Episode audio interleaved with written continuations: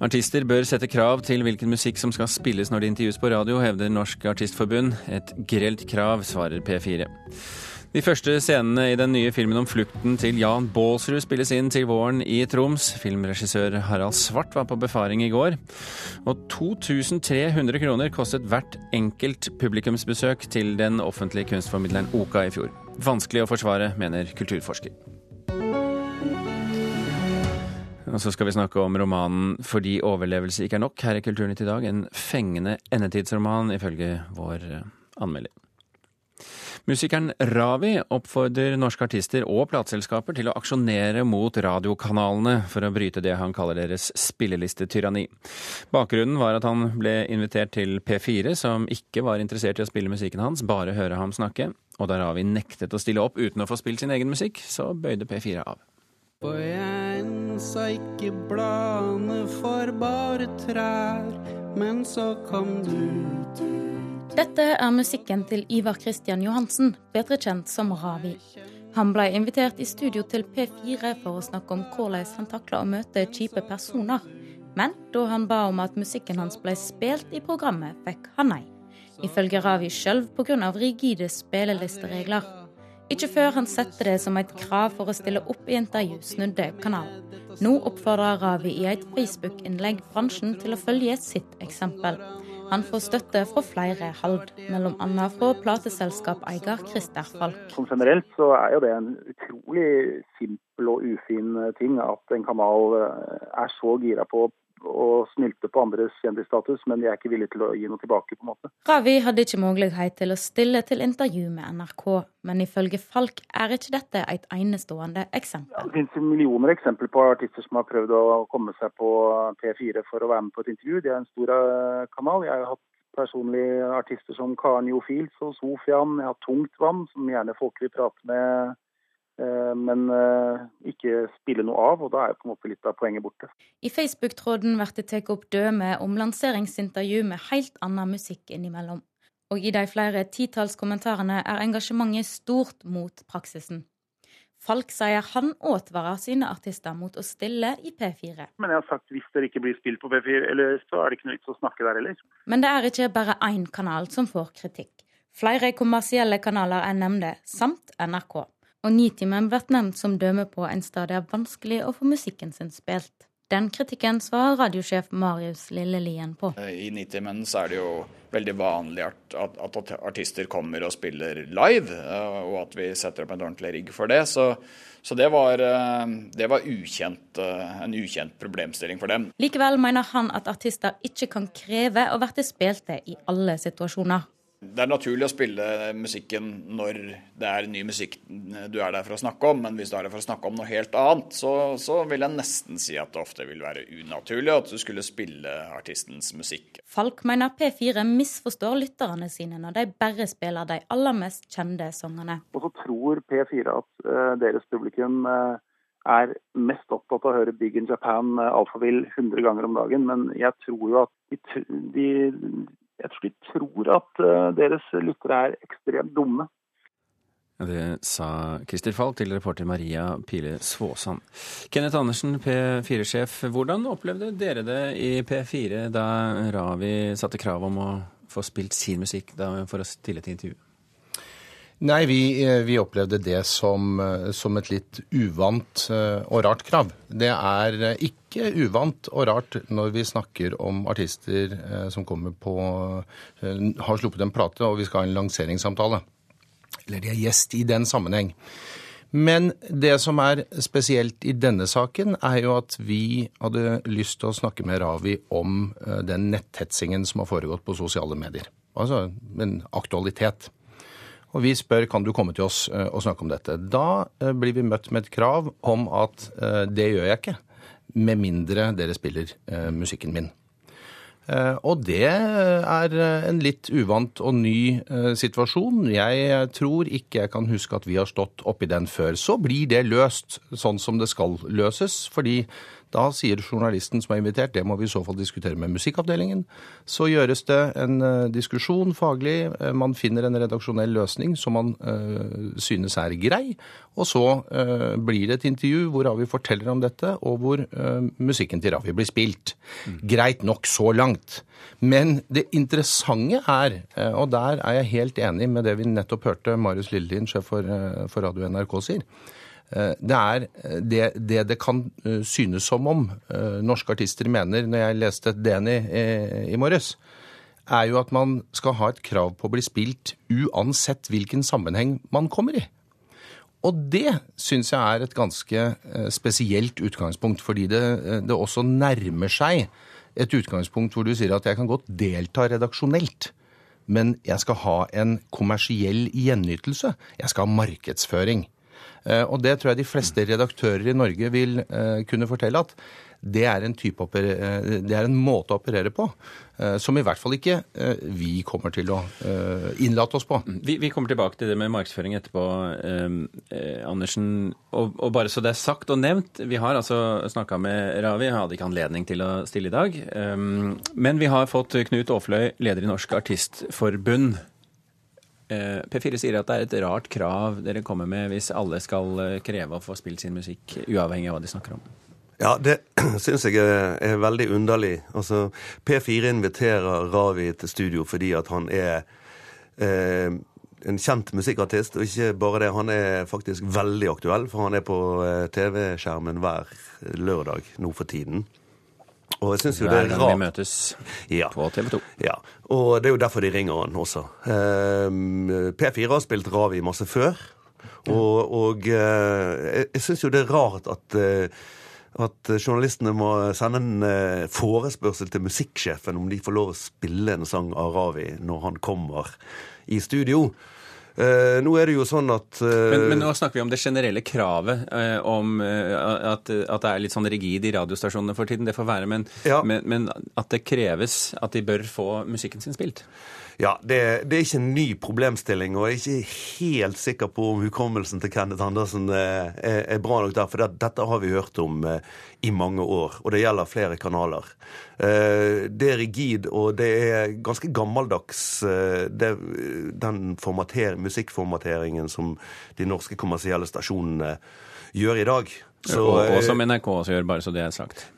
NRK gjør det også, men, men eh, har, NRK har, der har journalistene lov til å lempe om på eh, spillelistene sine hvis de får en gjestestudio. Ja, men eh, Det hadde vært interessant om vi kunne prøve å rydde opp litt i diskusjonen. For det ene er jo på en måte spilleliste. Opplegget og politikken i norske radiostasjoner. Den, sånn har den vært stort sett i de siste 20 åra. Den kan vi sikkert diskutere. Men, men det er jo en ganske gammel debatt, Knut. Det som er nytt nå, eh, og som jeg sier er nytt, det, eh, og i hvert fall opplever som nytt, det er at dere, altså norske plateartister og eh, organisasjonene, sier hvis dere inviterer en plateartist til å snakke om noe som helst, altså i dette tilfellet netthets, altså ingenting med, med artist, altså ingenting med platene til musikken til Ravi å gjøre. Er det, mener dere da, og mener du da, at da er det nærmest et krav, det er et rimelig krav for å stille opp på en sånn samtale, at vi må spille musikken. Åfli? Ja, jeg syns det er det minste man kan gjøre jeg, når man kommer i studio. Eh, Ravi har masse hits eh, som, som, P4 spiller og har spilt. Og eh, hvis han tar seg fri en, en, halv dag for å dra opp til, til P4, når han heller kunne vært i studio og skrevet låter eller han får jo ikke noe honorar for å stille på noe intervju. Så syns jeg, eh, synes jeg egentlig eh, det er litt utidig at ikke man kan be om, om det. Og, og, nå er, og, nå er, vi jo på det spørsmålet som jeg lanserte i stad, nemlig dette med markedsføring, som du var inne på. Er ikke, når det kommer til stykket, eh, radioene og artistene en symbiose som må, man må gi litt og ta litt? Jo, og det gjør vi. Vi spiller 40% norsk musikk i P4. Vi, vi, spiller masse norsk musikk. Vi betaler, eh, i likhet med de fleste andre norske radiokanaler, også masse penger, titalls millioner kroner i året, for å få lov til å spille den musikken. Det er flott. Det er helt supert. Poenget her er jo at man i tillegg sier vi, stiller ikke opp i, uh, i, i, og debatterer samfunnshendelser eller aktuelle hendelser uten at vi skal ha markedsføring. Det er helt nytt og helt spesielt. Og Så får vi se om det fortsetter, eller om det strander her. Det vet vi ikke ennå. Uansett, Kenneth Andersen fra P4 og Knut Aafløy i Norsk Artistforbund, takk for at dere kom til Kulturnytt.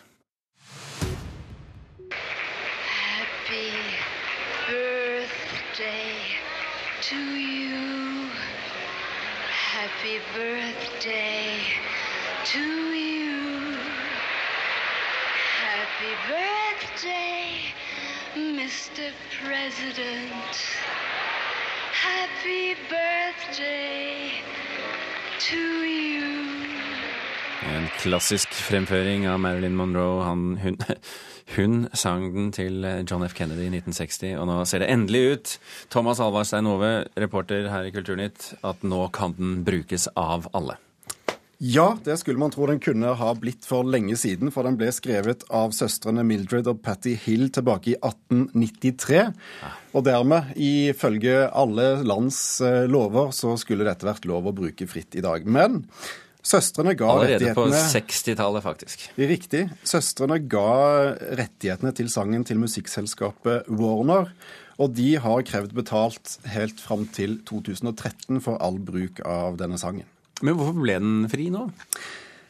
For eh, en god del år siden så gikk eh, flere musikere og filmskapere sammen om et søksmål der de eh, hevda at retten at Warner må, må, rette seg etter loven, som alle andre, selvfølgelig.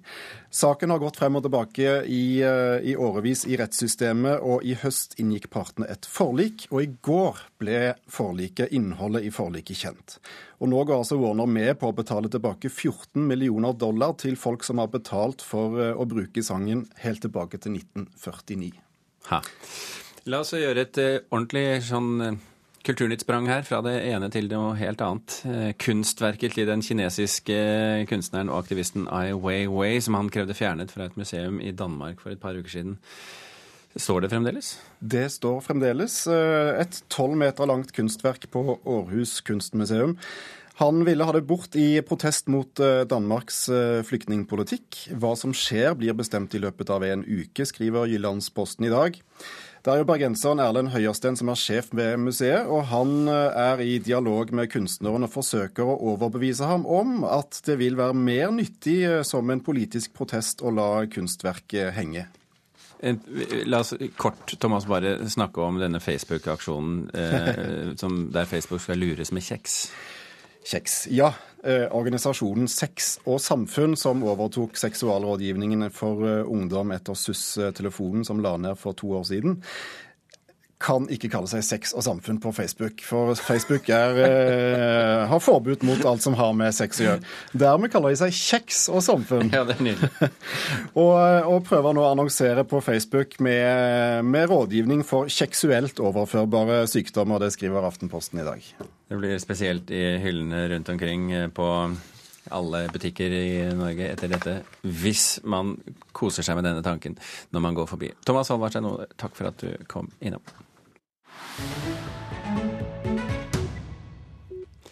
De første scenene til den nye filmen om kommandosoldaten Jan Baalsrud blir gjort i Troms til våren. Før helgen kom det nemlig nyheter om de siste kronene på plass i filmprosjektet. Filmen skal hete Den tolvte mann, og i går var regissør Harald Svart i fjellområdet i Indre Troms på befaring. Hele området, ja. ja. Men da vil du, vil du trukket dem ned til høyre da, for å få det slette, eller hva tenkte du på nedover røttene? Harald Svart har tatt av seg skutehjelmen og står og peker og diskuterer terrenget der reinflokken skal komme. Han er oppe i fjellområdet Mauken i Troms, der Oskal-sidaen har beiteområde. To reingjetere har kjørt han og to sentrale medarbeidere i Nordisk Film opp hit. Lett snøvær hindrer utsikta, men til våren kan de første opptakene til den nye filmen om krigshelten Jan Baalsrud bli gjort her. Det er jo en ekstrem eh, overlevelseshistorie. Og så er det vel eh, lurt at våre, våre barn og vi selv minner oss på hva våre forfedre gikk igjennom for at vi skal kunne leve i den friheten vi er i nå. Det er samme stien bortover. Samme stien bortover. Ja, hele. Historien om Jan Baalsrud skal nå bli til Den tolvte mann. Det var senvinteren 1943 Baalsrud og elleve andre kommandosoldater fra Shetland ble satt i land i Nord-Troms for å sprenge flyplassen på Bardufoss. Men de ble angitt, og Bolsrud er den eneste som overlever og flykter mot Sverige. Ved hjelp av lokalbefolkning og etter hvert flyttsamer klarer han det. Strabasene ble filmatisert i 1957, og filmen 'Ni liv' med Arne Skouen som regissør ble nominert til Oscar.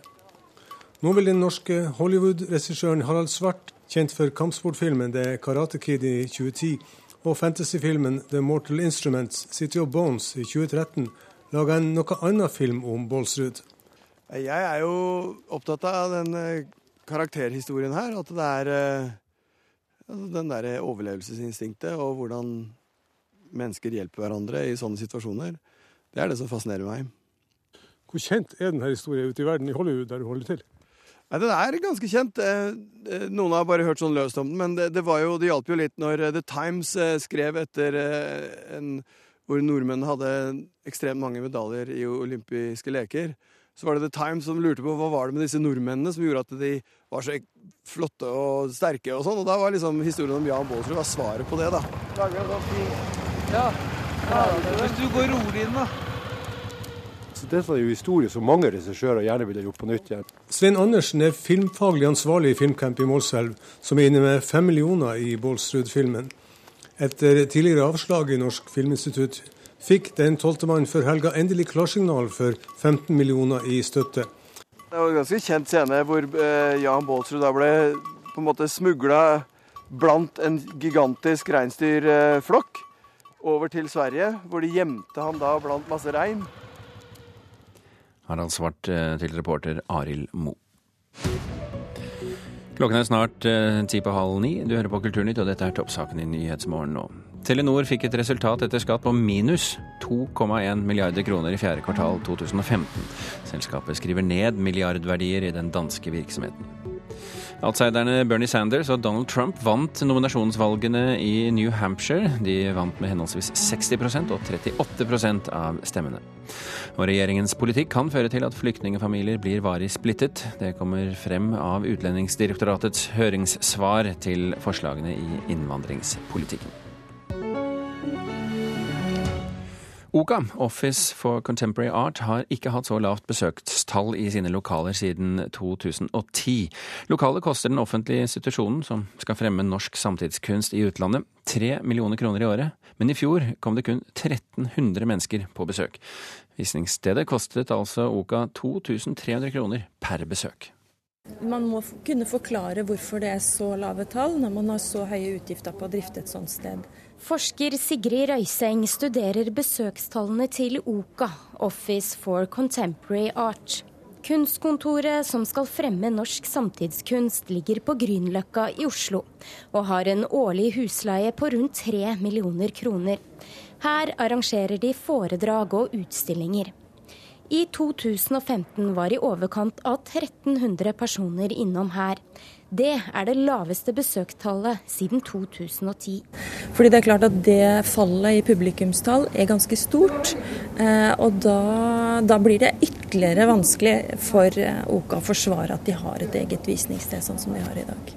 Kunstkontoret OKA fikk i fjor i overkant av 20 millioner kroner i statlig støtte av Kultur- og Utenriksdepartementet.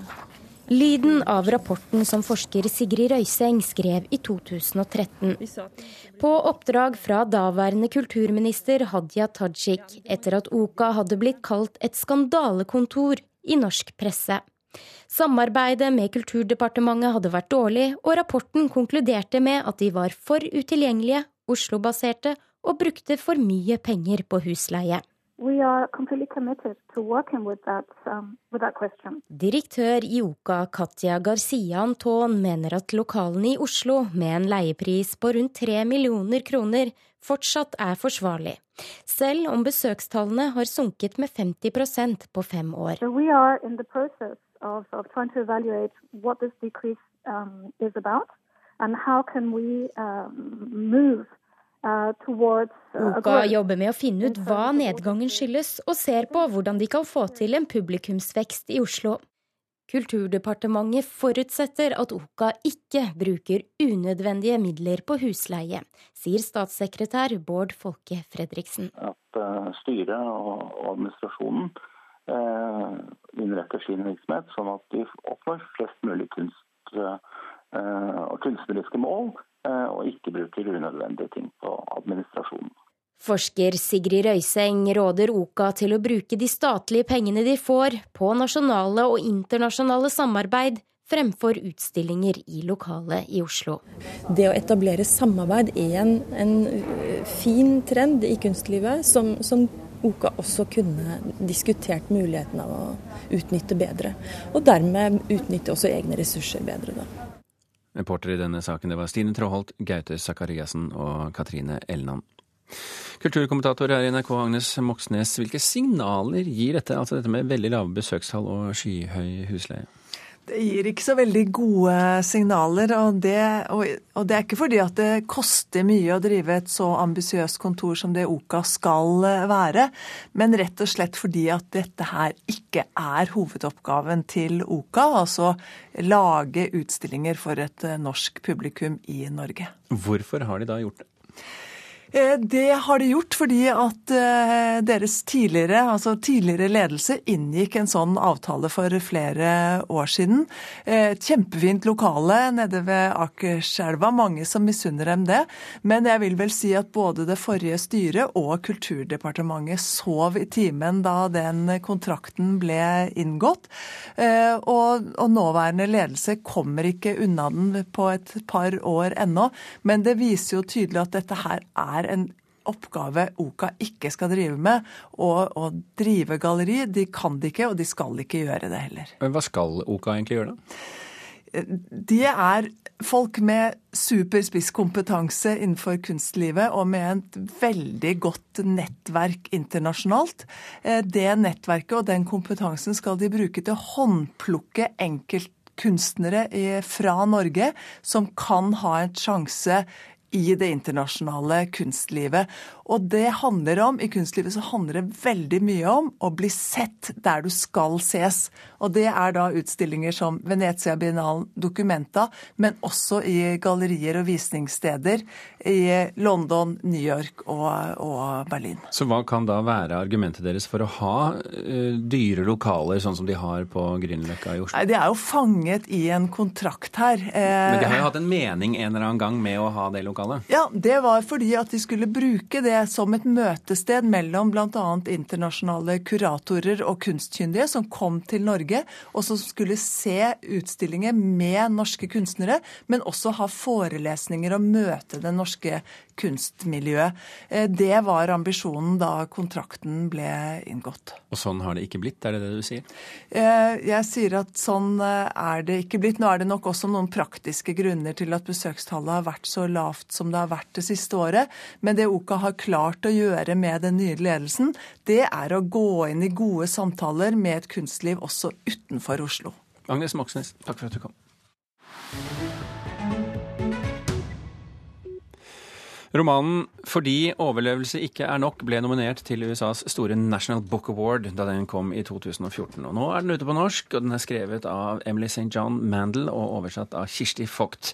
Boken beskriver et Amerika som er rammet av en dødelig pandemi. Og spørsmålet, Anne Katrine Straume, litteraturkritiker her i NRK.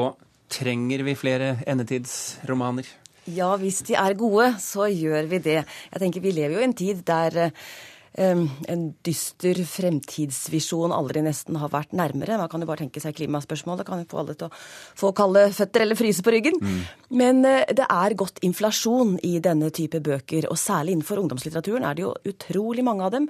Og det medfører jo også at en del av de bøkene som kommer, blir blekere kopier, eh, dårligere varianter av de som er skrevet før. Men dette er en voksenroman? Dette er en voksenroman. Og jeg tenker f.eks. da at å skrive en sånn bok etter Comic McCarthy's The Road som var så strippet og eh, litterær. Det er modig. Det er modig, Men mange gjør det. Og dette her er altså fordi overlevelse ikke er nok, av Emily St. John Mandel. Hun er kanadisk, bor i USA nå. Uh, har vært nominert til mange priser for denne romanen, fått en del også. Um, og det er altså en um, historie om en et influensa. Georgia-influensaen kaller de det. En, et virus som kommer til USA, og som er så smittsomt at folk dør som fluer. 99% av jordens befolkning forsvinner. Uh, så dette er jo på en måte et slags velkjent scenario. Uh, men det Mandel gjør, er at hun har Hun hopper frem og tilbake i tid, både til det som skjedde akkurat da, og så er vi 20 år frem i tid, hvor vi følger en eh, teatertrupp som spiller Shakespeare for de små overlevende bosetningene rundt. Og det tenker jeg, og det handler jo nettopp litt om denne tittelen, fordi overlevelse ikke er nok. Kunsten, det må vi ha med oss som mennesker. Selv om du kjemper for livet for å overleve, så må vi ha noe annet også enn det daglige brød. Det høres koselig ut. Det høres koselig ut, men altså, endetidsromaner er ikke koselig. Nå kan du si at Denne er ikke så mørk som mange er. Eh, mange er mye mer voldelige enn denne. Denne er mer sofistikert. Det fletter sammen ulike skjebner. Og vi blir jo ikke overrasket når vi skjønner at eh, folk møtes igjen, eller dette har noe med hverandre å gjøre, de som en gang var på det samme stedet da pandemien brøt ut. Men det er ikke helt McCarthy? Det er ikke McCarthy. Det, er det, det mangler mye på det språklige der. Eh, men jeg syns hun er morsom fordi at hun bruker ulike typer tekst. Altså Her er både tredjepersonsfortellinger, her er avisintervjuer, her er utdrag fra brev. Så skriver hun f.eks. et sted um, en ufullstendig liste. Slutt på storbyer, slutt på legemidler, slutt på flyturer, slutt på brannvesen og politi, slutt på internett, slutt på å lese om og kommentere andres liv, og dermed føle seg litt mindre alene i rommet. Slutt på brukernavn. Kan man lese dette som en hyllest til vår teknologiske verden av i dag? Ja, eller i hvert fall en påminnelse om at, eller en erkjennelse over at det er viktig, det vi har. Dette samfunnet, den sivilisasjonen som også tar vare på de svake i samfunnet. Den må vi ta vare på. Anne Katrine Straume, takk skal du ha for at du leste 'Fordi overlevelse ikke er nok' for oss her i Kulturnytt. Vi runder av nå. Lisa Stokke og Birger Kolsrud Aasund takker for følget.